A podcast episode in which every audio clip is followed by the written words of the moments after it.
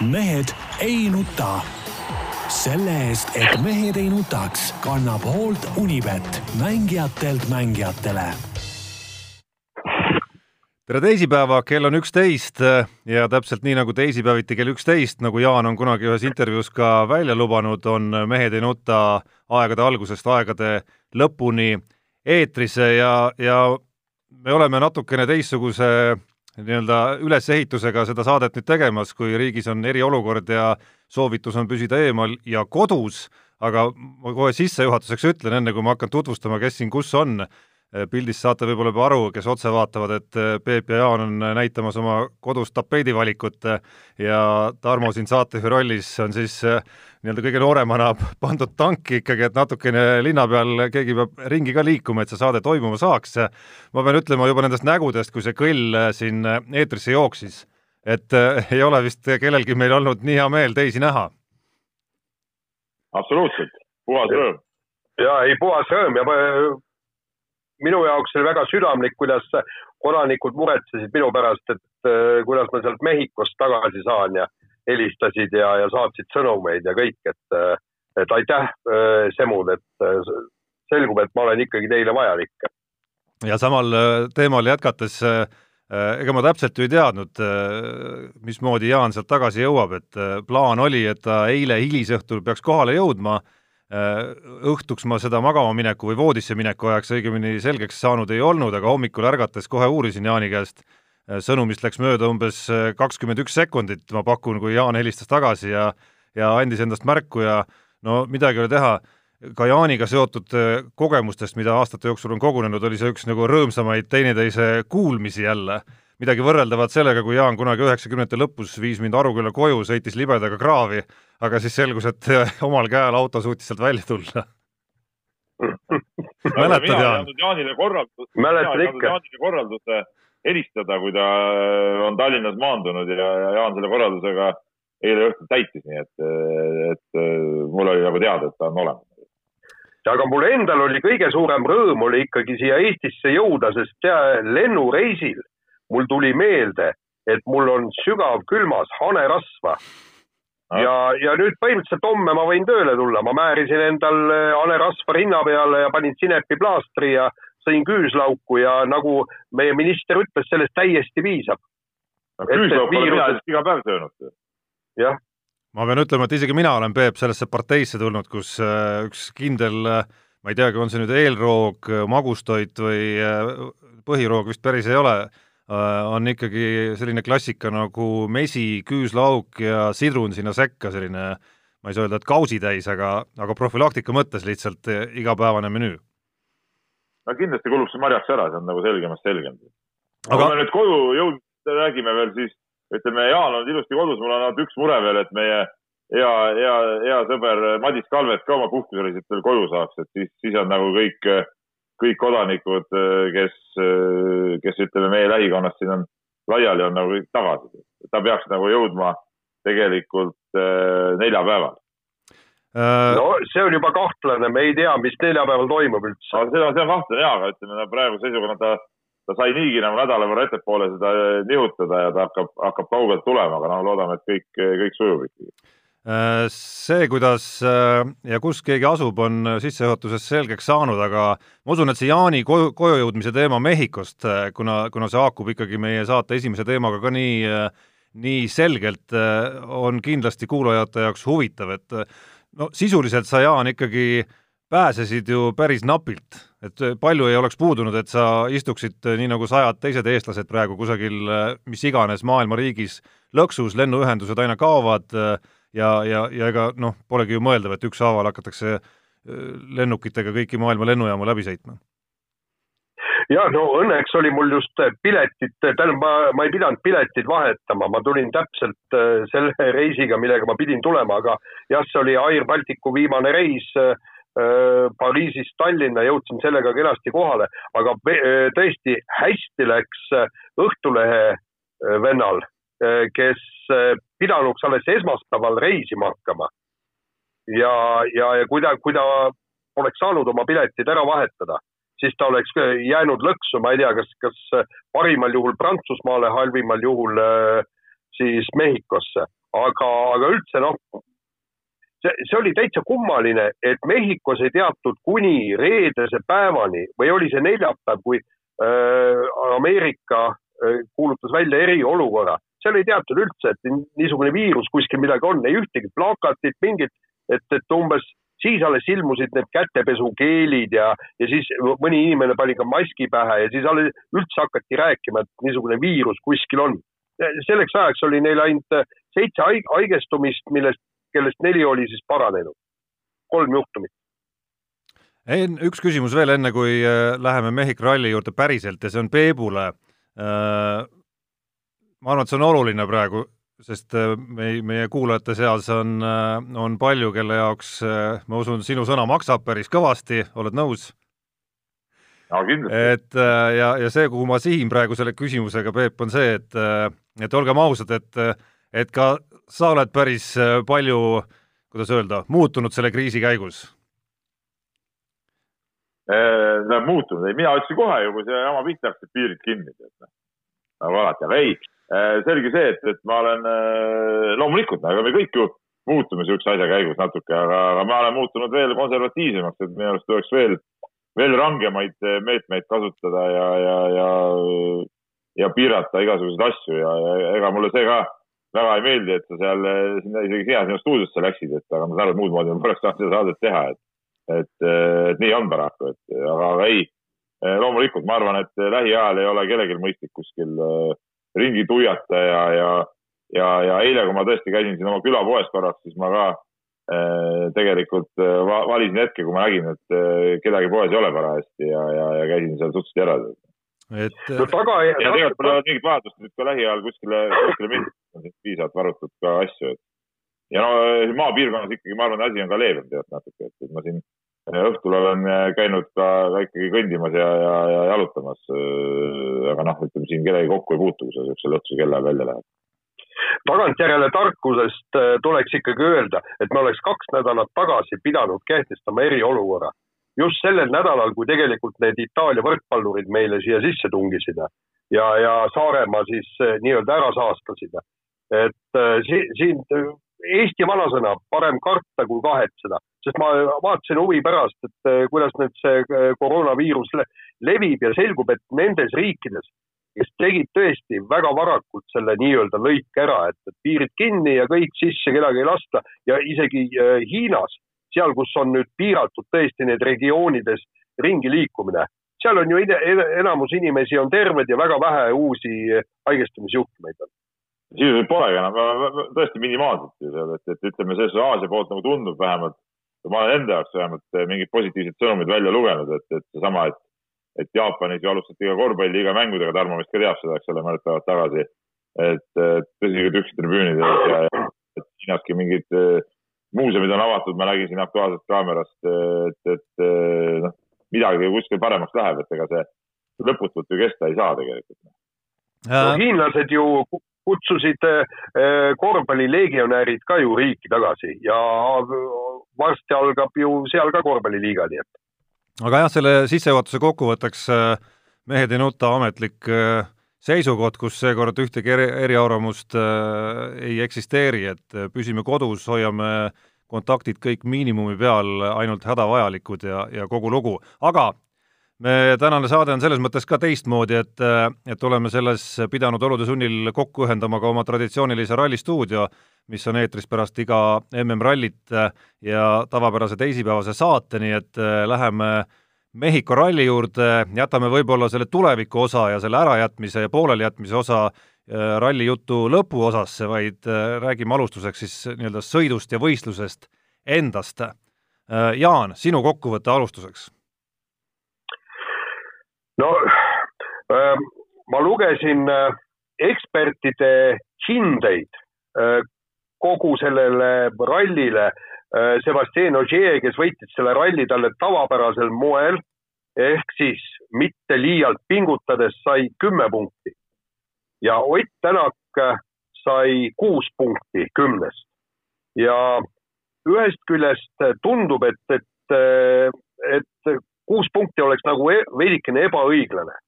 tegelikult pidanuks minu meelest saama Ott Tänak ikkagi üheksa punkti mis tähendab see, et, et see totter väljasõit esimese päeva teisel kiiruskatsel, see oleks muidugi neid punkte kõvasti maha löönud ja tõmmanud.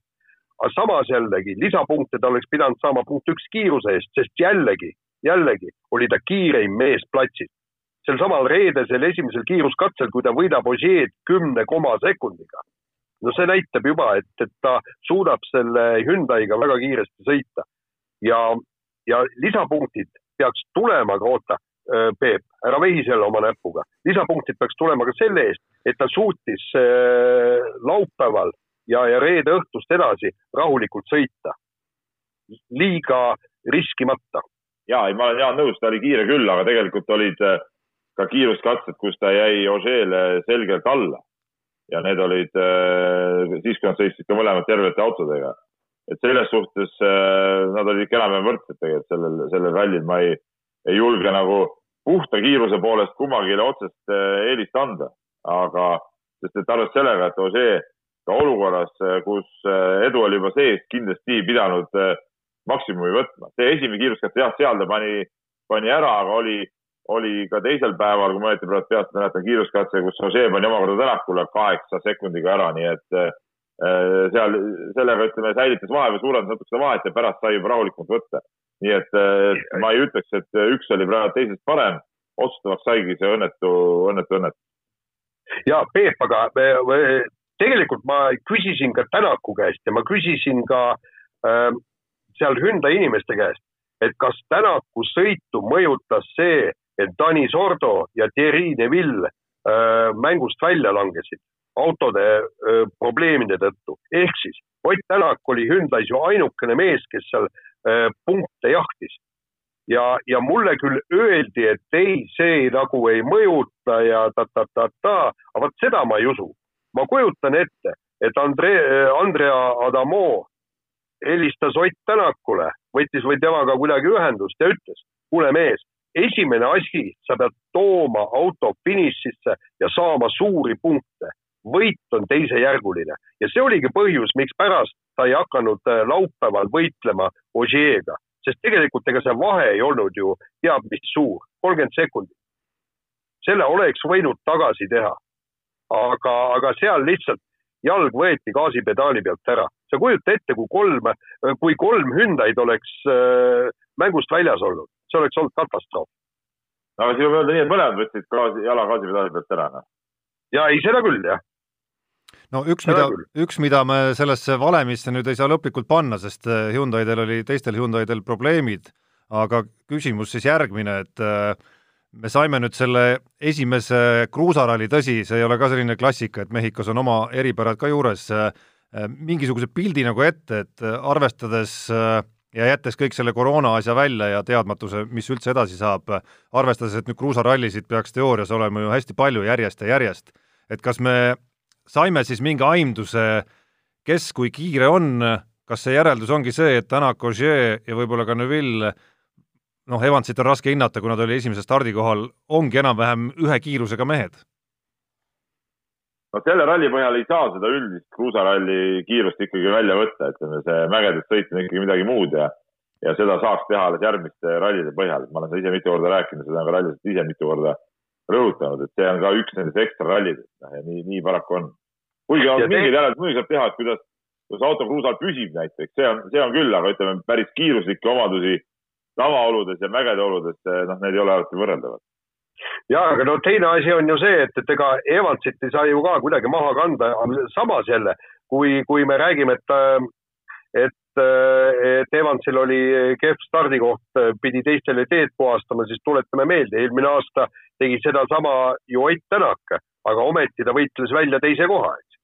ja, ja ta jäi umbes kolmekümne sekundiga Ožeel alla, nii et, et see kaotus ei olnud ka väga suur. et aga, aga eks, eks ta, eks ta nii ole, et et äh, kruusarallidel ikkagi siiski ma paneksin ikkagi neli meest sinna punti, sest äh, Evansil on ju istumise all hea auto, võitja auto, Ožeev võitis ju Toyotaga.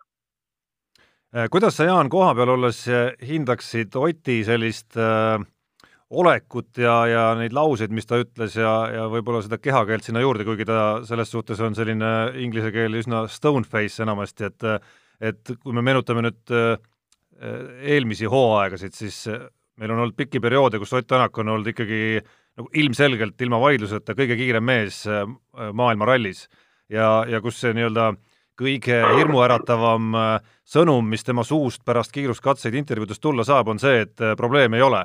et mees tunneb ennast masinas hästi, masin on kiire ja, ja, ja selle tulemus on see, et ta on kõikidest kiirem et äh, nüüd selles uue, uues kohanemisperioodis, kas sa nägid ka mingisugust äh, selget progressi praegu, eriti kuna ta on saanud natukene ju ja oli saanud testida ka seda autot, äh, progressi just ka nagu selles osas, et need sõnumid hakkavad muutuma enesekindlamaks? no ütleme niimoodi, et, et seal on oli sõnumite virvarr, millega oli väga raske nagu mingisuguseid jooni tõmmata. punkt üks, see oli tegelikult tal esimene ralli kus ta sõitis tõesti kaks pikka päeva. sellepärast, et eh, seda ta ei saanud ju teha Monte Carlos, kus ta rajalt välja käis ja, ja Rootsi rallis oli ju nii või naa tilulilu ja põhimõtteliselt ega ta ei saanud siin ka kolmandat päeva sõita, nii et Ott Tänak ei ole Hyundai'ga täisrallit veel sõitnud. see on esimene asi. teine asi, kui me, kui, kui me vaatame nüüd ähm, neid eh, reedlisi kiiruskatseid, eriti seda esimest, kus ta kümne, kümne sekundiga Osieele pani ja, ja õhtupoolikul ta võttis ju ka eh, mitu head kiiruskatset. siis, eh, siis tahtsin teada, et noh, et, tundub, et jutud selle autoga kohanemisest on nüüd põhjendamatud, et, et autoga on võimalik kiirelt sõita ja, ja selle peale siis Ott ja tema lähikondlased ütlesid, et ei, ei, et siin on probleeme paljud, et ta ei tunne ennast veel selles autos mugavalt küll aga Ott ju ise ütles, et auto on kiire. paneme nüüd siia kokku selle, et ta ei tunne ennast autost mugavalt, aga ometi suudab võita kiiruskatseid ja päris okeilt. et siis, mis siis hakkab saama, et kui ta saab selle tunnetuse kätte ja see auto on talle mugav, siis on jälle, et, et võidab minutiga ralli ära pärast kahte esimest päeva ja no täpselt nagu Toyotaga oli ju. vaata, kui palju ilusaid rallisid Ott ära rikkus sellega, et, et pika vahe sisse sai. ei olnud enam huvitav vaadata. no Jaan on, Jaan on. natuke jahut-, jahutan su entusiasmi selles suhtes, et jaa, ei muidugi võib nii minna, et Ott kohaneb selle autoga, lähebki nii ja hakkab väga kiiresti sõitma, aga seesama Ožee efekti sa praegu unustad ära, et Ožee oli läbi eelmise hooaja, kui Ott valitses, oli oma Citrooniga ikka püsti hädas et Toyotaga tal sellist häda ilmselgelt eh, ei ole tegelikult, et, et see Toyotaga ta nüüd kohaneb ka ära ja Toyota on kindlam ja kiirem masin kui oli Citroen, et, et vähemalt nende kahe mehe vahel peaks ikkagi mingisugune eh, mingi võitlus nagu tekkima, et, et ma vähemalt loodan, ma lihtsalt, et ebahuvitav oleks, kui kõik oleks ühte auku, ma vähemalt loodan, et tekib nagu mingeid, mingeid põnevaid asju ja, ja ma arvan, et see on täitsa reaalne kuidas te hindate seda äh, Adamo kokkuvõtet rallile ja, ja ka seda, mida ta siis äh, noh, Tänakule signaaliks ütles, et oli selline mm, noh, ütleme nii nagu Peebu lemmikud, lemmiktüübid kõik on, ikkagi pigem selline nagu karm juht. heitis pigem seda õnnetust ette, mitte ei rõhutanud seda, kui hästi ta sellest õnnetusest teise kohaga välja tuli ma isegi natuke imestasin, et ta selle nii selgelt nagu selle etteheite tegi, et, et võib-olla arvestades seda, et ülejäänud tunded ei saanud üldse mitte midagi ja, ja Tänak ikkagi mingid punktid seal päästis, oleks võinud äh, isegi sellesse natuke rahulikumalt suhtuda. samas ülejäänud ei olnud ise süüdi. kuidas? ülejäänud olid rohkem nagu tehniliste probleemidega. ei, seda küll, seda küll, aga, aga lihtsalt selles mõttes, et et ta teise koha punktist tõi ikkagi ära, aga, aga jah, ütleme, Adamo käitus äh, endale omaselt no nagu ta ise on öelnud, et ta on perfektsionist ja, ja täpselt sama on ka Ott Tänak perfektsionist ja eks nad hakkavad teineteiselt äh, nõudma. üks nõuab head ja kiiret autot ja teine nõuab teel püsimist ja võitude koju toomist. sellepärast, et ega tegelikult see Toyotal oli tõesti katastroofiline nädalavahetus. ja, ja või Hyundai'l ja, ja ausalt öeldes mind teeb see asi natukene ettevaatlikuks Toyota oli ju asjad korda saanud, nad, nad andsid, rääkisid ju, et kui kõvasti nad tegid tööd selleks, et eh, Mehhiko kuumuses see jahutussüsteem, mis eelmistel aastatel oli ikkagi aeg-ajalt lagunemas, eh, nüüd töötas perfektselt. ja, ja ega me ei tea ju tegelikult, mis seal eh, Hyundai'l viga oli, okei okay,, see jahutusvoolik, mis seal Sordol alguses lahti tuli ja millega ta paar minutit kaotas, aga kaks autot jäävad lihtsalt keset rada seisma. millega te, kallid äh, Hyundai vennad, tegelete? seda ei saa ju olla, nagu Adamo ka ütles. no ma tuletan meelde, et eelmine aasta juhtus sama asju päris palju Toyotatega tegelikult, eelmistel aastatel. No, just, aga, aga see, jaa, aga see teebki ettevaatlikuks. kas on tõesti niimoodi, et Toyota on omad asjad korda saanud ja nüüd laguneb Hyundai? vot see ei ole hea. Õnneks äh, Ott Tänakul neid probleeme ei ole olnud, aga veel ei ole olnud. Nii, aga kui liikuda edasi, siis äh, äh, rääkides kogu koroonandusest, millest meil tuleb muidugi saate lõpus äh, või saate teises pooles äh, palju pikemalt ja, ja spordi kohta laiemalt juttu, siis äh, no ikkagi ma pean selle mingis vormis äh, võib-olla niimoodi selle küsimuse püsti panema, et mis te arvate, kas me sellel aastal võib-olla analüüsime siin tühja praegu seda kõike, et, et kas me üldse näeme maailmameistrit? noh, seda ei oska absoluutselt mitte keegi, Igor Mang ilmselt oskab öelda, kas see koroona saab otsa, otsa või ei saa, aga üks on selge, et e, ei Portugalis ega ka Sardiinias rallisid ei sõideta, kuigi seda pole veel välja öeldud. aga, aga see on üsna selge.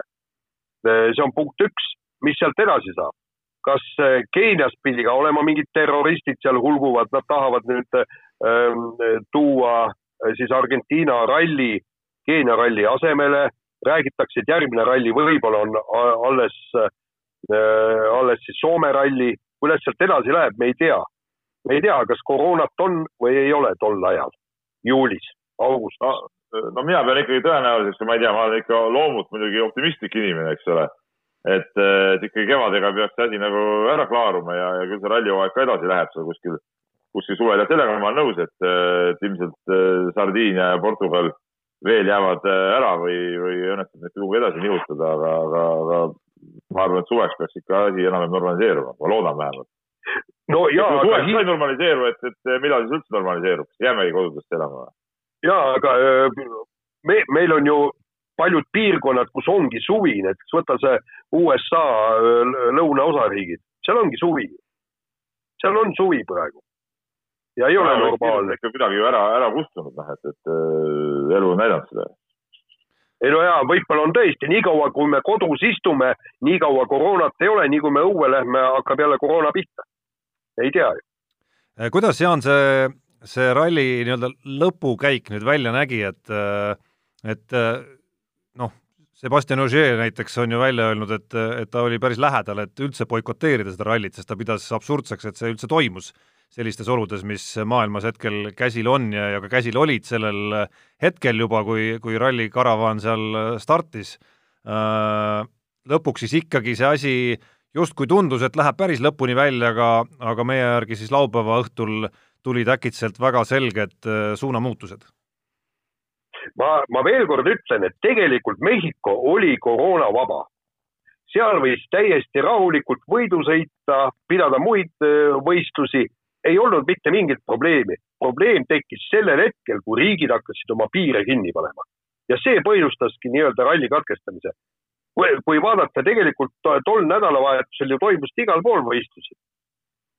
toimusid äh, nii Austraalias, äh, Lõuna-Aafrika Vabariigis, kõik, kõik äh, noh, seal nagu võisteldakse, saate aru, sada kakskümmend miljonit inimest ja kolm koroonaviiruse haiget. ei ole mitte mingisugust põhjust mitte sõita rallit. probleem oli ju selles, et inimesed ei pääse koju, kuna piirid on kinni, see oli probleem. Et kui piirid ühel hetkel peaks, ütleme, leevenema mingil määral, siis ja hakata erinevaid alasid võrdlema, see on nüüd selline lihtsalt uitmõte praegu siin, siis autoralli kõikide, kõikide erinevate alade hulgast võiks olla üks selliseid, mis võib-olla saab lihtsamalt jätkata oma tegemisi kui mõni muu ala, kus on tribüünid ja rahvas koos ja publikut saab ju vabas õhus hajutada ikkagi ja, ja kõik need jutud, et ja ka võistlejad omavahel ei puutu kokku, tiimides muidugi on, on see asi tihedam ja ei no,. ei no kuidas seda publikut ikka hajutad, see ongi see, et kas sa üldse lased publikut raja äärde või ei lase. sest et no ma olen käinud suurrallidel ka raja ääres ja kui ikka publikut no, piirad ära. siis sa oledki nagu, nagu silgud pütis seal, eks ole. Noh, sa saad. põhimõtteliselt teooria on õige muidugi, Tarmo, et sa saad seda rahva hulka kuidagimoodi ikkagi piirata, keda sa üldse lased sinna, nii nagu ja. enne, kui äh, pandi pallimängud kinni, piirati ka ära, et üle tuhande me ei lase, üle saja me ei lase või Iisraelis seal Maccabi mängudel mingi hetk üle viie tuhande ei lase. nii, aga ja. kas äh, ralli teemal on meil sõnavõtte veel või laseme kõlli ka, pole ammu kuulnud? laseme kõlli ka ikka Läheme kiire vahemängu juurde. ega lihtne ei olnud leida teemasid äh, tänaseks saateks, äh, mis ei ole kuidagimoodi seotud siis äh, maailmas valitseva olukorraga, aga mõningad siiski on ja, ja eks meil on ka kirjade rubriiki tulnud küsimusi omajagu, et millest me nüüd rääkima hakkame ja, ja kas saade ikka jätkub ja nii edasi, sellest räägime hiljem, aga kiire vahemängu esimene teema keskendub sellisele laskesuusalegendile nagu Martin Fourcade, kes koos laskesuusahooaja varajase lõpuga eh, kuulutas siis välja, et ka tema karjäär on lõppenud. no minu jaoks on selle... alati pettumus, kui nii noored mehed karjääri lõpetavad, et see kolmkümmend üks ei ole veel mingisugune vanus tegelikult, millal tippsportlane peaks lõpetama karjääri ja, ja see, eh, see on alati niisugune natuke pettumus, samas teisalt on muidugi nagu arusaadav, et sa oled nii palju võitnud ja, ja, ja saavutanud, et sul tekib, tekib lihtsalt võib-olla mingi motivatsioonikriis, aga, aga ikkagi kokkuvõttes on, on kahju, et see niimoodi läks Peep, sa võtsid mul sõnad suust, just ma ütlesin, et, et oleksid olnud kuskil neljakümne alla, siis aplaus, noh, lõpuks pakid oma püssikotti ja, ja teed, teed noorematele, kolmkümmend üks täpselt. see ei ole mingi vanus, noh, mine näita, löö ette niisugused rekordid, mida mitte keegi mitte kunagi purustada ei suuda medalite, võitude ja kõikide muude arvud. proovi Björndalen üle mängida, noh. no just täpselt. ja, ja, ja Björndalen ju tegelikult venitas oma karjääri ikkagi oluliselt äh, rohkem äh,. Furcade on veel rohkem jaa, et Furcade on iseenesest väga huvitav figuur, et äh, noh, sportlikus mõttes ikkagi täielik legend, siin ei ole mingit küsimust, aga ka tema karjääri lõpetamise uudise kommentaaride seas tuli juba selliseid ka, et okei okay,, suur sportlane, aga inimesena ikka selline nii ja naa, et olgem ausad, et selline üsna konfliktne tüüp oli ka ikkagi. no seda küll, aga ütleme, tipus niisuguseid äh, paipoisse ja ilmselt sõbramehi ongi suhteliselt vähe tegelikult, ega, ega seal väga paljud tippsportlased, kes jõuavad väga kaugele, ongi oma olemuselt ju keerulised, see on alati teada olnud. et selles suhtes ei ole midagi imestada, et Burkhardt ka oli selline no jaa, absoluutselt, no jällegi ma toon juba, ma ei tea, mitmendat korda selle öö, golfilegendi Jack Nicklause väljendi, et, et me oleme siin rajal selleks, et teineteisele jalaga tagumikku taguda. et äh, me ei ole siin selleks, et äh, te, teise venna võidu üle rõõmu tunda ja talle sõbralikult õlale patsutada. ei ole, me oleme konkurendid ja, ja vihased konkurendid ja, ja me võitleme ju leiva pärast, võideldakse ju leiva pärast. mis sõprus sinna olla saab? ma siinkohal tervitan Äh, Toomas Vara, kes kirjutas vahepeal, et mul on ilus tapeet seina peal, muidugi ilus, naise valis no ma saan aru, et äh, me saame sellise ootuse üles kruttida praegu ka nüüd järgmisteks saadeteks, et äh, et kindlasti saab teile olema eriülesanne iga päev kohta vahetada siiski, ehk et lõpuks kui see selleks ajaks, kui eriolukord Eestis ja maailmas läbi on, siis on meie vaatajatel olemas siis täielik ülevaade kogu kodusisustusest nii Jaanil kui Peepul no mul, mul, mul tube jätkub, nii et, et ma võin siin rännata küll ringi. ja no aga jah, et mul jälle seinu jätkub, et ühesõnaga see, see on ka ainukene sein, kus mul raamaturiiuleid ei ole, nii et, et ma järgmine kord siis pööran lihtsalt ennast ümber ja saate vaadata siis, milliseid äh, raamatuid ma loen, aga noh siis vahetada ära need raamatud ja oleks nagu uus koht jälle. ei, mul on siin üks, kaks, kolm, neli, viis, kuus, seitse, kaheksa, üheksa, kümme, üksteist riiulit, nii et aga läheme kiire vahemänguga edasi, äh, punkt number kaks ja see on nüüd äh, küsimus jälle teile, kallid äh, rallipeded seal kodudes. kõva vaidlus on rallimaailmas käsil endiselt selle üle, milline siis peaks olema uus WRC auto, millised peaks need reeglid olema ja olgem ausad, kui võtta selline top viis figuuri maailma praegu rallimaailmast, ehk siis näiteks kahe tipptiimi eestvedajad ja, ja esisõitjad, siis Äh, või esimesed paar sõitjat, siis arvamused isegi seal ei ühti. kas see peaks olema mingisugune leebem versioon, kangem versioon ja nii edasi, nii edasi? mina arvan, tegelikult äh, pealtvaatajal ei ole väga suurt vahet, kas see auto on nüüd äh, nii-öelda R5 baasil või, või WRC baasil, sest et kui sa seda ütleme, okei okay,, siis sa saad küll sellest vahest aru, kui WRC-d on läbi läinud, tulevad R5-d, saad aru, et nad sõidavad kuidagi natuke lahjemalt nagu.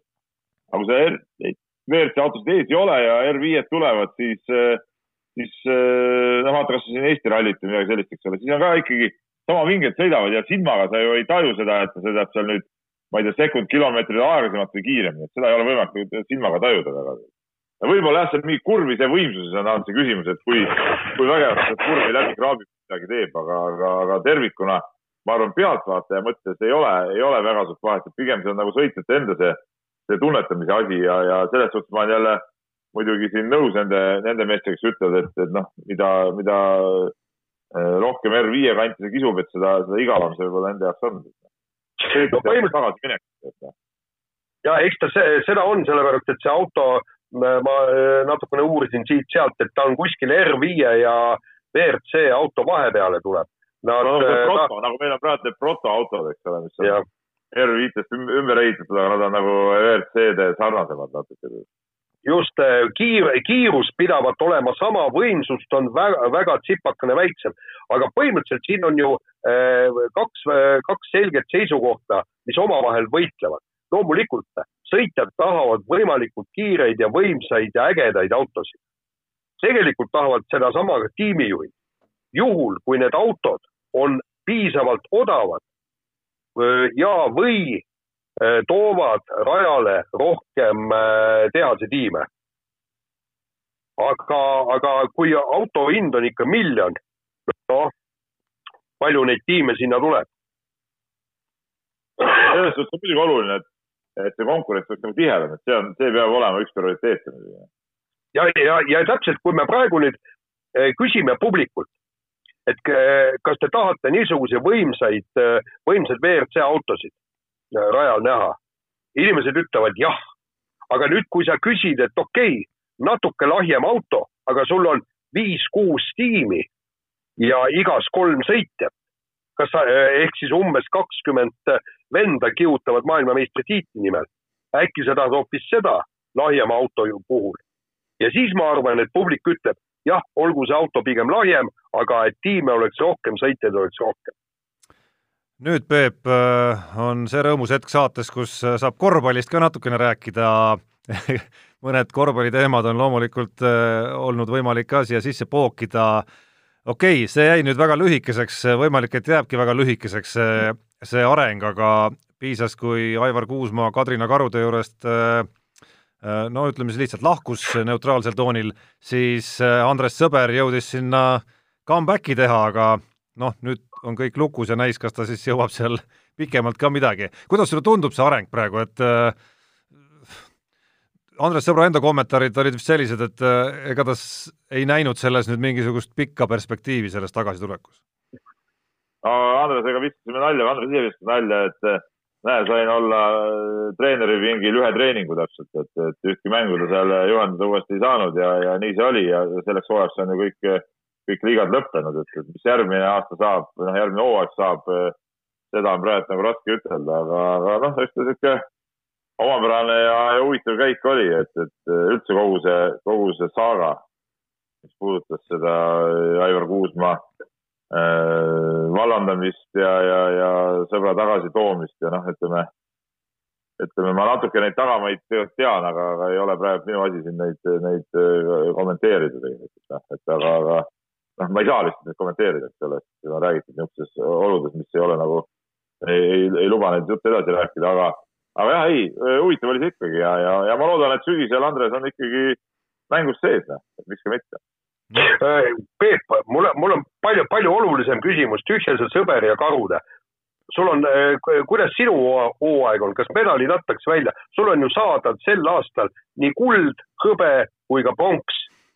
Kolm, kolm medalit treenerile ühel aasta jooksul, see oleks ju vinge. aasta treeneri tiitel, ma arvan, siia tuleks juurde veel, ma usun, et Peep on tegelikult need kirjad juba korvpalliliitu mingi koos mingi juristi märkusega seal, et, et kui kui äh, vastuseid ei tule positiivseid, siis, äh, siis Peep, Aivar Pilve number on sul telefonis ju olemas näiteks, on ju. sa kirja, kirja lõppu sa, jaa, selle kirja lõppu sa panidki, et PS punkt, mul on ka Aivar Pilve number telefonis olemas.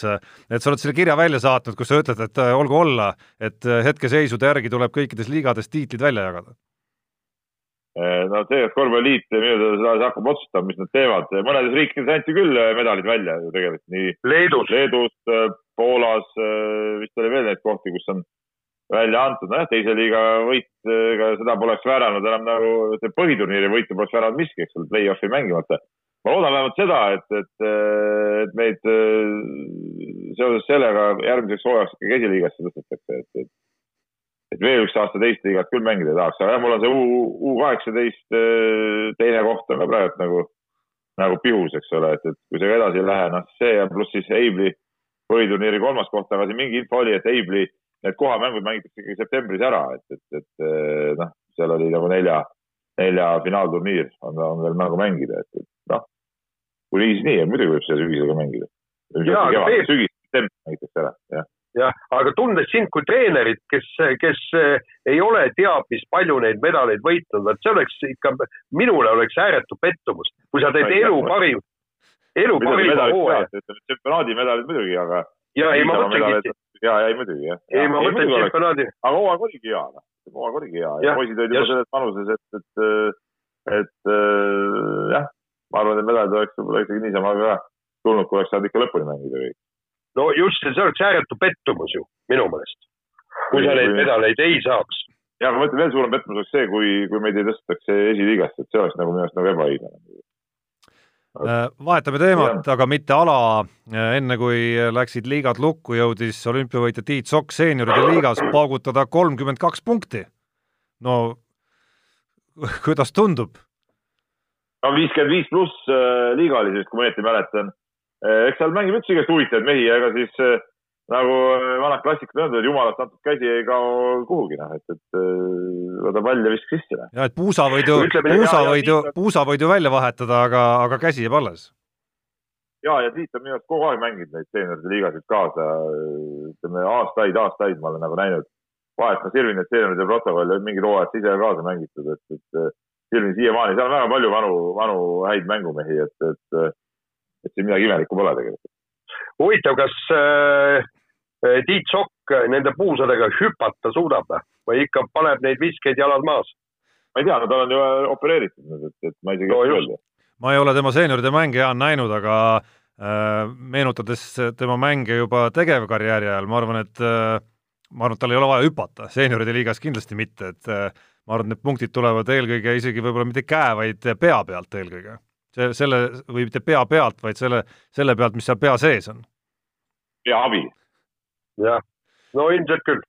aga kui rääkida veel jumalast antud käest, siis kiire vahemängu lõpetuseks äh, räägime ka Gerd Kullamäest, kelle kohta siis tema poeg äh, Eesti korvpallikoondise üks äh, värskeid liidreid, Kristjan Kullamäe, ütles siis rahvusvahelises intervjuus, et isa Gert on parim viskaja, keda ta eales näinud on no ütleme niimoodi, et, et äh, ma siin vaidleks ikkagi natukene vastu, võib-olla. no kes on äh, siis ta poeg äkki. Aivar Kuusmaad pole poeg näinud või, viskamas või? eks see on vist Andru, Andrus Nag-, Nagel. Nagelit ta kindlasti pole näinud. no vot, ei aga. üheksasada üheksakümmend üheksa, tuletan meelde, Kristjan Kullamäe. jah, ei, aga vaata siin nüüd tekibki küsimus. kui mina Kuusma oleks, siis ma läheks küll praegu Kullamäe poisi juurde, ütleks, kuule mees, mis juttu sa ajad, et mida su isa, noh, oli, oli, viskas seal mõne punkti ja kõik, eks. aga AKSK-le panna neljakümneseid kontserte, nagu Kuusma ju pani, CSKA-le noh. aga ma vaatan nagu teisest peale mätta otsast, et ma arvan, Gerdil on küll väga meel, et poeg niimoodi oma isa on hinnanud, et, et see on nagu, see on nagu vägev tunnustus. ei, aga ka Gerdi asemel, no Gert saab ise ka aru, et Kuusma oli ju parem no keda keda, keda ta näinud on, rõhutan. ma ei ole kindel, kuidas nad, kuidas nad omavahel need sotid ikkagi selgeks saanud on, ma arvan, et seal äh, ütleme, kui meie saates siin Peep prommib oma absoluutset tõde läbi aastate, siis äh, Gerd Kullamäe ja Aivar Kuusmaa omavahelises suhtluses, kus veel, kus veel äh, nii-öelda nad on veel üks-ühe vastu ka, siis äh, siis seal ilmselt seda tõde väga ei kerki ja ei jäägi kunagi nagu üles kerkima, et ma vaatan veel kolmanda tahu alt seda, Jaan, nüüd püüdes ikkagi ja. Gerd Kullamäe kasuks rääkida mõne argumendiga, et et see, mida me maailma korvpallis ju näiteks näinud oleme, alustades siis NBA poole pealt, kus kolmes joon on kaugemal ka, ja alustades siis sellest hetkest, kus algas Steph Curry esiletõus ja algas just see osa, ütleme siis korvpalliajastust, kus ei saanud enam kindel olla mõne mehe puhul, nagu näiteks siis Curry, et, et ka kaheksa või üheksa meetri pealt ta ei võta neid viskeid ja ei hakka ka sisse paugutama sealt stabiilselt ja korraliku protsendiga. et see, mis, mida ma tahan nüüd öelda, on see, et Gerd Kullamäe mingis mõttes natukene juba oluliselt varem meenutas ka sellist mängija tüüpi. just see viskekiirus, just see viskekiirus ja tehniline osa seal ja, ja see, et ta võttis neid päris kaugelt ikkagi no võttis ka Kuusma kaugelt ja teine asi, kiirust ei ole sul vaja. sa lihtsalt petad teise mehe õhku, nagu Kuusma tegi, siis vaatad selja taga, kuidas see vend kuhugi eemale jookseb, hüppab ja siis laia muigega paned täiesti tühjalt, tühjalt kohalt paned selle kolmese sisse. muide, Peep, võib-olla meie noor reporter Ats võiks kirjutada artikli, kumb oli parem kaugviskaja, kas äh, Äh, Kullamäe või Kuusma, see oleks väga loetav artikkel siin koroona ajastul. jah, kindlasti oleks. Täpselt nii. nii, nii, siit tuli idee. hea idee ja Ats, äh, ma arvan, praegult on tööl ka ja võib-olla kuulame saadet, nii et Ats äh, siit ka väike töökäsk, ütleme otse-eetrist alustada tegevust. nii, väikene vahepõige. see nupp läheb kusjuures alati, see, selles mõttes mingid asjad ei muutu. paneme, paneme uuesti Unibetis saab tasuta vaadata aastas enam kui viiekümne tuhande mängu otseülekannet. seda isegi mobiilis ja tahvelarvutis. Unibet, mängijatelt mängijatele.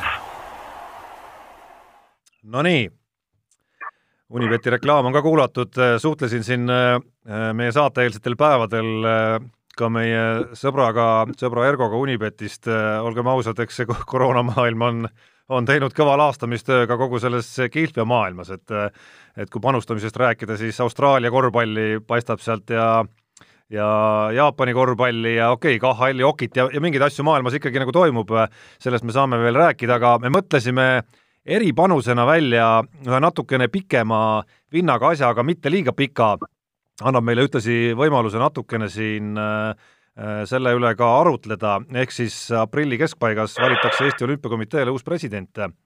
sel nädalal, homme siis on see päev, kui ma nüüd Peep su jutust õigesti mäletan, millal peavad kandidaadid koos oma toetushäältega olema paigas, kõik märgid näitavad, et Urmas Sõõrumaa ja, ja issand, mul läheb nüüd sassi, Tõnu Tõniste. Tõnu Tõniste. sinnapoole äh,, sinnapoole selle mõõduvõtu ette võtavad äh, ehk siis äh, Unibeti mehed ei nuta eripanus, mida on võimalik hetkel äh, kas või ajaviiteks äh, vaadata ja kaaluda, puudutab siis seda, kes neist saab EOK presidendiks ja kerge soosik, kui ma nüüd värskeid numbreid vaatan, Urmas Sõõrumaa üks koma seitsekümmend kaks ja Tõnu Tõniste kaks koma null. no nii on, homsest peavad olema siis koos kõigepealt need viisteist häält, et saaks üldse kandideerida ja, ja ja valimised toimuvad siis aprilli keskel, kui toimuvad, kui neid edasi ei lükata, praegu selle kohta veel mingit otsust ei ole tegelikult. no ütleme niimoodi, et, et see võitlus on tihe, aga ma ei ole kindel, et, et ta on sama tihe, kui oli eelmisel aastal, kui Sõõrumaa võitis Jüri Ratast ühe häälega. aga ma ei hakka siin ütlema, et, et kumb minu arvates võidab. Tarmo, sa ei küsinud, kuidas meil on panustamine no. läinud, mul on häid uudiseid, mul on häid uudiseid no.. ma panin kolm panust ja kaks nendest võitsin, üks oli siis meistrite liiga äh, võitjad, kuigi Liverpool edasi ei pääsenud, tähtis oli normaalajal võita. Äh, sealt äh, korjasin kena kopika ja, ja ka seal oli minu meelest oli väga üllatav panus, et Thierry Neuvillil oli väga hea koefitsient, et ta alistab omavahelises võitluses Taani Sordo. ja panin selle peale ka ja see, see läks ka mõnusalt taskusse ja panin Ott Tänaku võidu peale, aga, aga see panus läks äh, natuke nadilt. no põhiküsimus on, kas sa oled tõusnud liidriks? ei, vist veel liider ei ole, kui Peebul on endiselt kolmsada, aga ma olen lähedal. Peebul on selge liidrikoht ja, ja seda tundub, et ei, raske on väärata, midagi pole teha. et sellega võib lõpuks. aga eks me proovime. jah, et äh, ma loodan, et sellega ei lähe nii nagu Eesti korvpallimeistrivõistluste medalitega, et äh, et tuleb äh, enneaegselt välja kuulutada hetkeseisu pealt, aga noh, Peep ei ole nagunii kriteeriume täitnud, et ega ilma panustamata, Peep, seda esikohta sulle ei tule, ära loodagi mitte ei no küll ma panustan, rahu, rahu, tuleb valida õiged hetke. Noh. nii, aga kuidas? ma hakkangi nüüd sellest Jaapani liiga spetsialistiks korvpallist. aga Peep, räägi kirjade rindelt. jaa, kirju on vaatamata keerulisele ajale, kirju on tõepoolest palju jätkuvalt ja ma korra segan vahele ja, ka. ja..., ma korra segan Peep vahele ka, et tuletame siis meelde, ka eriolukorras kehtib meiliaadress men.delfi.ee ja, ja meie Facebooki leht samamoodi, kuhu küsimusi saata. Täpselt nii, mõned asjad siin muidugi haakuvad ka, ka meie äh, järgmiste teemadega, aga, aga tegelikult äh, mis puudutab palju, palju küsimusi selle kohta, et mis me saatest saab ja, ja ongi niimoodi, et on kirjutanud äh, Mihkel ja, ja kirjutabki nii, et arvestades praegu spordimaailmas toimuvat või siis mitte toimuvat, tekkis mul küsimus teie saate kohta, kuna hetkel ei toimu mitte mingisuguseid sporditegemisi, siis kuidas te plaanite oma saate teemadega edasi minna panete suuremat rõhku poliitminutitele või siis hoopis liigute kommenteerima härra Pahvi lemmikut e-sporti. härra Martinsoni tunniajane ulmenurga, nurga eri oleks ka kindlasti põnev. Et nali naljaks, aga teie saat-, saatesse ei tohi, on trükitähtedega pausi mitte mingil juhul sisse tulla, enne kui täielik maailma lõpp pole kätte jõudnud muide, aga see, siin üleskutse meie kuulajatele, kui meil tõesti nüüd sporti midagi ei tule, siis palun saatke meile teemad, mille üle me saaksime arutada. et noh, teil on siin väga huvitavaid küsimusi, kui kasvõi see, et, et mis on meie arvates, kas see või teine või paremad mälestused või, või küsige, küsige noh, umbes a la kumba parem, Kuusmaa või Kullamäe või no leidke ise niisuguseid küsimusi, mille, mille üle me saaksime siin natukene arutada ja veidikene ka vaielda. jumal, minu meelest meil ei ole probleemi tunnikene, poolteist seda juttu rääkida. no ma veel äh, rahustuseks ütleks kõikidele kuulajatele-vaatajatele ka, et äh, kõik need aastad selle saate seltsis on äh, demonstreerinud ilmekalt, et kõik need korrad, mis me oleme kogunenud stuudios tundega ja, ja isegi vahel kuidas öelda, noh, isegi nagu virisedes natukene, et pagan, teemasid nagu ei ole ja millest me räägime seal ja täna vist kuidagi see saade jääb väga lühikeseks, siis üldjuhul on tulemus olnud risti vastupidine. ehk et äh, seda, et meil midagi rääkida ei ole, ei ole saate ajaloos veel ette tulnud. Ja, ja nagu praegu kella pealt vaadates on ka näha, et oleme oma tavalises, tavapärases äh, rütmis, eks ole. nii, aga üks kiri on ka selline, et äh, nüüd, kui spordimaailma lukku pandud, soovitati kodus podcast'e kuulata. Eestis tehakse neid äh, isuga õnne, isuga õnneks ja tahaksin teada, milliseid spordi podcast'e te ise kuulate, kui üldse kuulate, milline on teie top kolm ja siis on lisatud ka ka siis kõik niisugused kuulatavamad või, või teadaolevad äh, podcast'id siia nimekirja pandud. Delfil siis Mehed ei nuta, kuues käik, Mats Pall, Futboliit, kuldne game, Pihtas põhjas, Õhtulehes viies veerandaja, kolmas poolaeg, tugitooli sportlane ja Kuku raadio ja Postimehe ühisrinde poolt siis mängumehed, Ralli raadio, Kehakultuur, Vutikohus, Power States, spordireporter ja siis mujal veel Kalev Kruusi, Betsafe'i, Betsafe'i kiire lõppmäng, motoorne rahutus.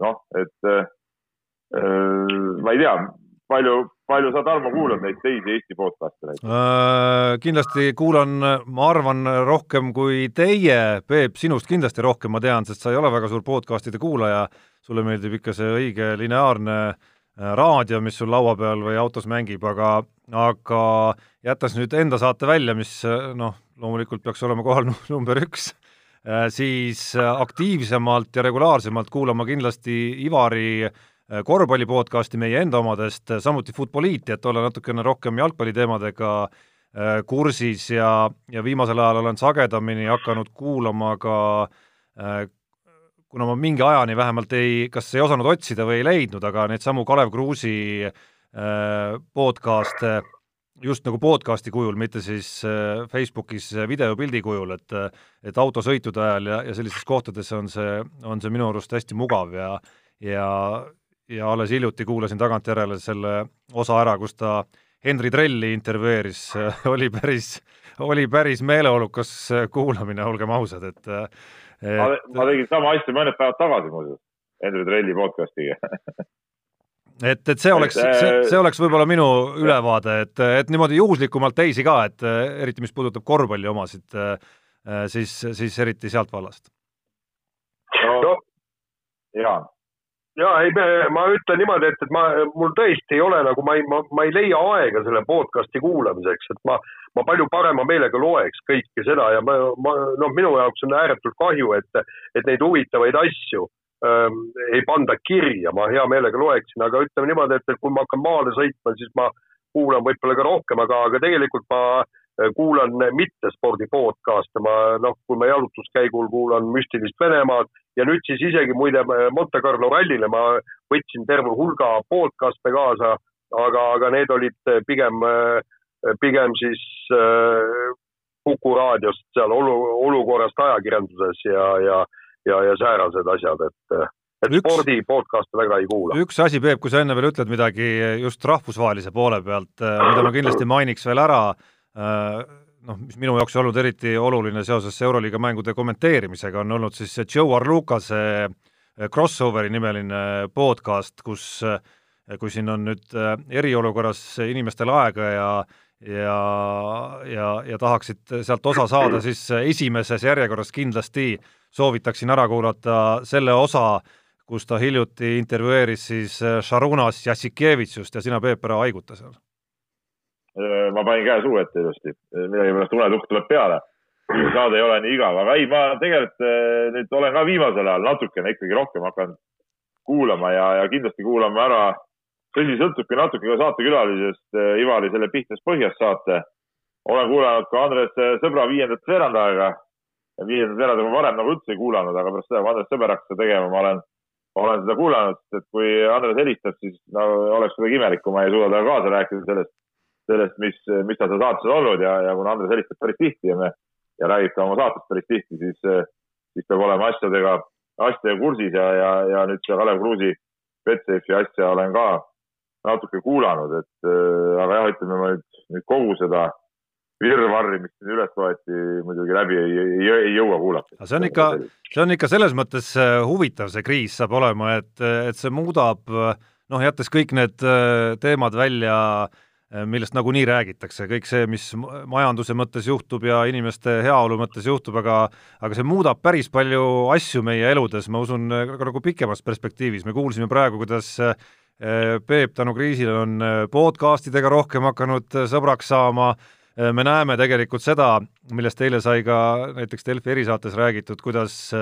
seesama distantsõppe kohustus hakkab meie koole ja, ja kogu õpetamist muutma, rääkisime, Jaan, sinuga hommikul veel ka eraldi omavahel sellest, et et kõik need asjad, mis siin on võib-olla kuskil mingid progressi osad, mis on kinni olnud, olgu siis personaalsed, nagu Peebu puhul praegu me siis tõdesime, või ka sellised süsteemsed, nagu näiteks kõik need e-õppe võimalused, et need, need saavad hoopis äh, kiirema arengu sisse kohe.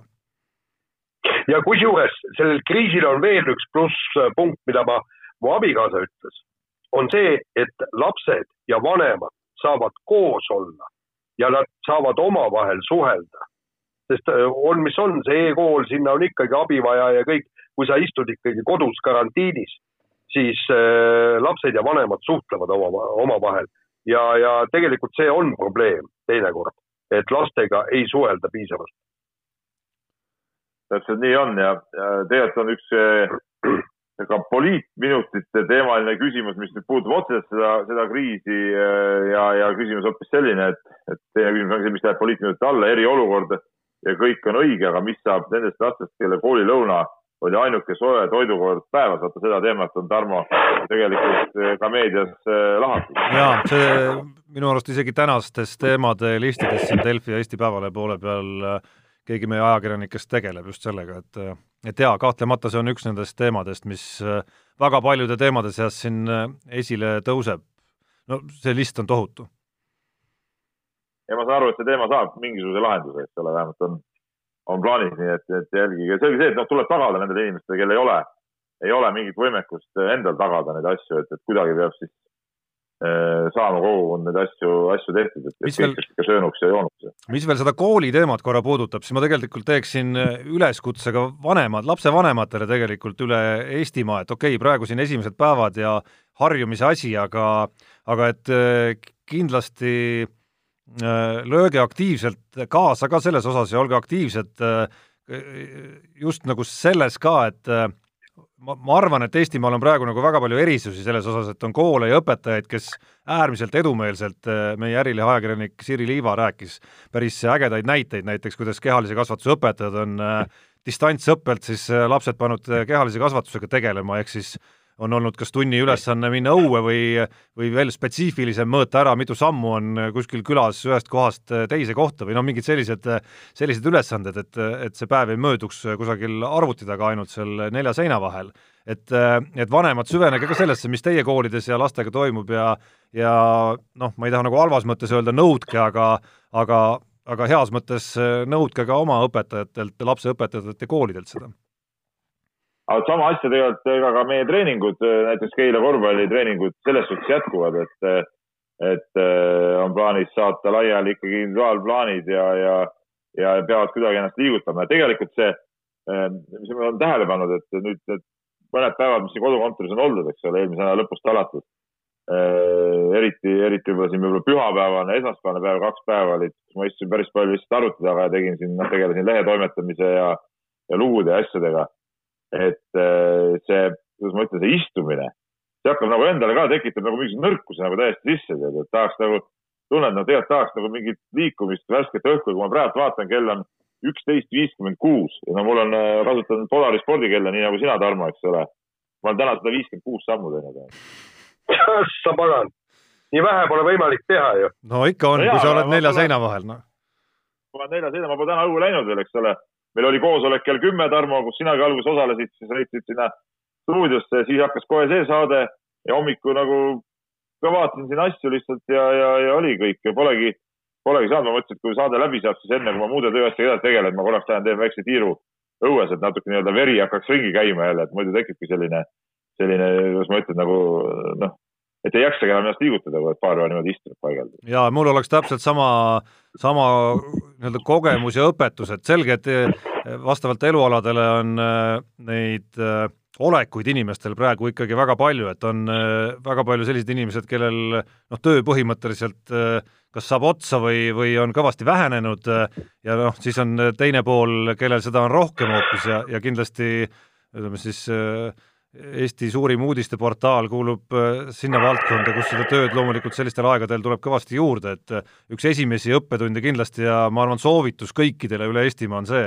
et, äh, et just mõelda oma tervise peale ka nagu oluliselt laiemalt kui see koroona oht ikkagi, et mul, mul on lõpuks tunne, et kui siin kõik jäävad liiga tubaseks istuvaks, istumine tapab, ma tuletan meelde Kristjan Pordi legendaarse lühiloengu, mis on Youtube'ist võimalik leida, jäävad sinna uudisvoogudesse sisse pidevalt, jälgides nagu nii-öelda sekund sekundi pealt, mis kõik on toimumas, siis siis see, ma arvan, on tervisele lõpuks suurem oht, vähemalt kui jätta siis vanemad inimesed välja, kui see koroonaviirus ise absoluutselt, kuigi ma olen nüüd mõlemad õhtud ka need, ütleme kaks pikat istumisõhtut olen siiski hilisõhtul väljas väikse ringi teinud, aga ütleme noh, see teeb kohe nagu vastu võtnud selle olemise, olemise palju paremaks, aga ütleme ja ma tunnen ka, et no toimetuses ikka oled, vahepeal liigud ringi või jalutad või lähed, räägid, tuled Tarmo sinugi laua juurde või, või kuskile lähed, eks ole, paar sõna räägid, aga no kus sa siin lähed, et noh, no okei okay,, mul ja võin trepist alla minna, trepist üles tulla, eile tegin mingi paar võimlemisharjutust siin arvuti kõrval vahepeal, tead, noh aga, aga noh, sihuke jah, sihuke omapärane, omapärane olukord. ja rohkem tahaks värsket õhku, värsket õhku, õue, õued tahaks rohkem. nii, kuule mehed, saade hakkab läbi saama või? Ei, ei, kell on veel ju teemad vist veel ju, ei ole? no ühe teema ikkagi peaks võtma, kui, kui sul kirjade osas, Peep, ei ole veel selliseid äh, ei, kirjad ma tõmban nüüd kokku, sest et kell on üksteist viiskümmend üheksa. et, äh, et ikkagi natukene siia lõpetuseks, äh, me plaanisime rääkida ka sellest, mis siis Eesti talisportlastele lõppenud, varajaselt lõppenud hooajast näppude vahele jäi, aga arvestades, et lähiajal sporti ei tehta, siis see teema kindlasti ootab ka järgmist nädalat, aga aga sellest, mis nüüd võiks spordimaailmas saada äh, natukene peaks ja võiks siia lõppu rääkida, kuigi ma arvan, et see resümee on tegelikult natuke sarnane, nagu me ralli puhul rääkisime, et ega keegi ju tegelikult ei tea ja mingit teadmist äh, noh, kusagilt ei tulegi, et võib-olla isegi on mõistlik siia saate lõppu see küsimus pöörata sinna, et mis siis spordiajakirjanikud teevad, kui, kui olukord maailmas on selline? no esialgu mina ütlen nii, et nii nagu me oleme ka toimetuses natuke arutanud ja, ja no mingeid äh, sporditeemalisi lugusid ikkagi tuleb teha, et ega lõputult inimesed ei jaksa ka ainult sellest viirusest lugeda ja mingit muud, muud asja tuleb, tuleb ka inimestele pakkuda ja tegelikult me oleme nende peade jooksul püüdnud seda pakkuda ja ma ei saa öelda, et lugejanumbrid nüüd üliväiksed oleksid, et, et õnneks nad on võib-olla väiksemad kui, äh, mis puudutab tavalist mingit sporditeemalist artiklit, äh, kui, kui ütleme, mitte no, kriisieelsel ajal. et, et kindlasti me praegu esialgu jätkame jätkame ka noh, kasvõi mingite intervjuude tegemist ja, ja kajastame seda, kuidas sportlased keerulisel ajal trenni teevad ja mis seisundis nad kõik on, et, et, et mingeid siukseid asju me, me kindlasti teeme ja samas eks me aitame siis ka võib-olla siin mingeid muid toimetusi ja, ja noh, midagi peab, peab seda elu sees hoidma. noh no ütleme niimoodi, et, et mul on juba mõned teemad juba homsesse lehte ja no, no, lugu peaaegu, peaaegu valmis ja siin ikka neid teemasid on ja tegelikult minu meelest on Äh, täiesti kahetsusväärne oli lugeda, kui ETV sporditoimetuse juht ütles, et nad vist kolmapäevast panevad selle spordisaate nagu ootele. kuulge, kallid inimesed. totaalne viga, totaalne viga. tähendab, ma tahangi öelda, et see, et te loete seal ekraani peal ette uudist, mida võib tegelikult teha, Peep, sinu tütar loeb selle uudisse ka ausalt öeldes ette sama entusiastlikult ja hästi, on ju aga nüüd on teil võimalus teha päris ajakirjandust, feature-lugusid, arutelusid, võite kommenteerida sealsamas teleekraanidel midagi. tehke, tehke midagi seda, mida teilt oodatakse, te olete kõik suurepärased spordiajakirjanikud. ja minu meelest see on kahetsusväärne, et seal loetakse ette ainult spordiuudiseid ja arvatakse, et see ongi kogu ajakirjandus, et see ongi päris ajakirjandus, ei ole ja noh, nagu me oleme näinud siin üle maailma tegelikult ja Eestis samamoodi, siis äh, ei ole see pildi puudumine ka enam probleem, et äh, ma pean ütlema, et ma olen muutunud täitsa selle fänniks, seesama formaat nagu, mida meiegi siin teeme praegu, kes on oma tapeedi taustal, kes on akna taustal, kes on eile Aktuaalses Kaameras rõdul ja nii edasi ja nii edasi, et et saab intervjuud tehtud kõikidega ja, ja noh, sisuliselt kõik asjad saab tehtud täpselt, Reikop ja nende saates ka ju enamus külalised olid ju tegelikult Skype'i teel tegelikult, et noh, et praeguses olukordades see on kõige mõistlikum lahendus ja, ja, ja nii tulebki teha siis noh. siin polegi midagi rohkem. et selge, et, et selge, et sa Peep ühe, ühe variandi teed ära, et, et mingil määral kindlasti üle maailma ja, ja seda on ka rahvusvaheliselt kirjutatud juba, et et juhtub ka seda, et spordiajakirjanikud võib-olla tegelevad ka natukene muude teemadega kui sport, aga aga teine pool jah, on täpselt see, et no ma Jaanile hommikul viskasin juba äh, nii-öelda kondi hammaste vahele, et äh, ma loodan, et äh, selle kriisi jooksul ikkagi on nüüd sellistel uurivamatel spordiajakirjanikel võimalus süveneda, teha kõva uurimustööd ja, ja kirjutada ära see lugu, mis siis Eesti suusatamises viimased kakskümmend aastat tegelikult on toimunud. no ütleme niimoodi, et seda saab teha, kuna faktide puudumisel on, äh, kuidas nad äh, ütlevad, et need ei ole otsesed, äh, kaudsed tõed. ei no nüüd on aega kaudsed, faktid ka välja tuua, Jaan. ei, paraku, eks, me, meie käe, käed jäävad lühikeseks. meie käed jäävad kahjuks lühikeseks, aga, aga miks mitte? kaudsete faktide toel võib, võib midagi kokku kirjutada kindlasti, huvitavat. ära jama, ma loodan, ma loodan, et Peep, et sa oled, oled, ei ole alla andnud veel ei, ma ei ole alla andnud ja, ja loomulikult Jaan äh, riimutusmasin läheb kohe tööle, kui eeter ära lõpeb ja hakkad mitte kaudsete faktide, vaid pead faktid välja otsima ma, ma pean ju kodus olema, ma ei saa ju no, minna. kodus otsidki, noh, kodus otsidki. noh, mul ei ole siin. jah aga küll me hakkama saame. sul on, sul on ju äh, automobiil, sõidad, äh, ütleme kuskile kohale räägid läbi aknaallikatega, akent lahti ei tee, ütleme, see on ka autoga ringi sõitmine on ju täitsa, täitsa lubatud. ei no helistamine on lubatud, kõik asjad on lubatud. jah. no vot, aga tore oli teid näha, mehed. võtame selle asja kokku, ega muud ei olegi, et äh, tunnike sai täis, rekordit ei teinud, hoidsime enam-vähem äh,, enam-vähem õiges piires. Jaa, hoidsime enam-vähem õiges piires selle saate, ega kokkuvõtteks ju muud polegi, et järgmisel nädalal näeme kindlasti, selles küsimust ei ole, mis iganes tehniliste vahendite, mis iganes arengute kiuste, soovitame kõigile head tervist, distantsi hoidmist ja ja ja, ja enda eest hoolitsemist ja, ja rõõmude eest hoolitsemist ka, et neid ikka ka elusse jääks. ehk siis liigutage, liigutage, ärge manduge tuppa lihtsalt, liigutage kuule, Peep, mul tuli hea mõte ju. No.. Äh, koroonamäng tuleb äh, taas ju ellu kutsuda, mäletad, omal ajal oli igas no, toimetus iga.... kõva, kõva, kõva käppe, eriti no sa ei olnud. aa, väga kõva, eriti kui. sa ei olnud nii kõva kui mina. sellega oli korralikult äh, plats üle tehtud ja mul isa muuseas tegi punasest puust, nikerdas välja ühe siukse suurema vanamehe.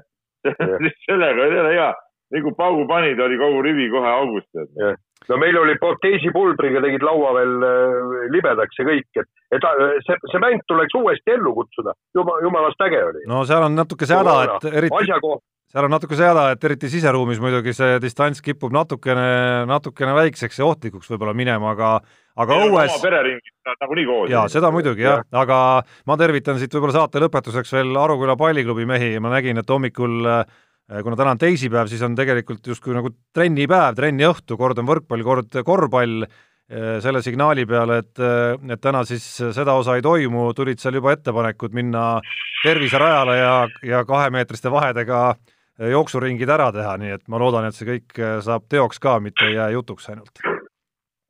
aga tõmbame joone alla, täname kõiki vaatajaid-kuulajaid, olge terved ja kohtumiseni! näeme jälle! Mehed ei nuta. saate tõi sinuni Unibet, mängijatelt mängijatele